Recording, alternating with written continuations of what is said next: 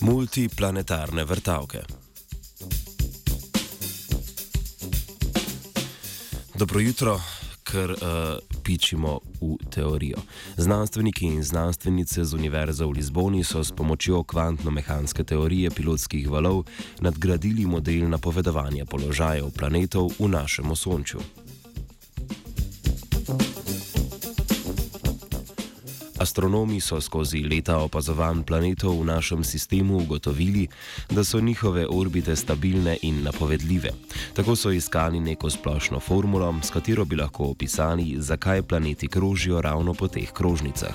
Prvi je pravilo s formulo leta 1766 opisal Johann Titius, kasneje pa je enako formulo brez navajanja avtorja uporabil tudi Johann Bode.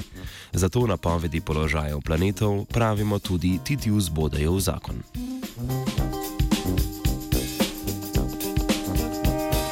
S pomočjo Titius Bodejevega zakona je znanstvenikom uspelo odkriti uran in pritlikavi planet, planet Ceres. Z odkritjem Neptuna leta 1846 pa se je zakon podaril, saj se Neptunova orbita ni skladala z napovedjo.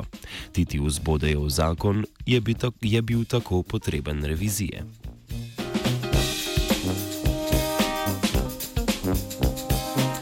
Znanstveniki in znanstvenice z Univerze v Lizboni so za korekcijo Titius Bodejevega zakona uporabili kvantno-mehansko teorijo pilotskih valov. Dana teorija, zelo posplošeno, navaja, da vsak osnovni delec ostaja v kombinaciji s stoječim valovanjem, ki ga obdaja. Ker pa se vsak delec giblje oziroma vibrira, tej sledi, sledi praviloma pravimo pilotski val.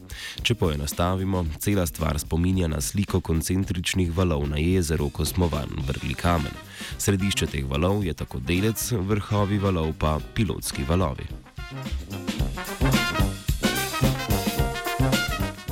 Ob upoštevanju obeh teorij, teorije gravitacijskega polja in teorije pilotskih valov, lahko leti združimo. Tako si lahko predstavljamo, da je Sonce osrednji delec v jezeru, okrog katerega vidimo valove. Kar se izkaže je, da se valovi razporedijo v točno določenem zaporedju, ki hkrati ustreza krožnicam planetov našega osončja.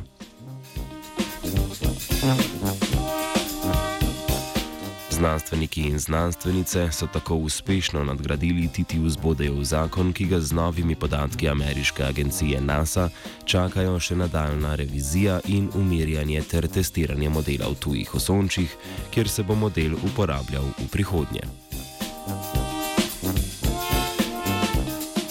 so voznikovega sedeža Starmana vajenec Nejc. Three.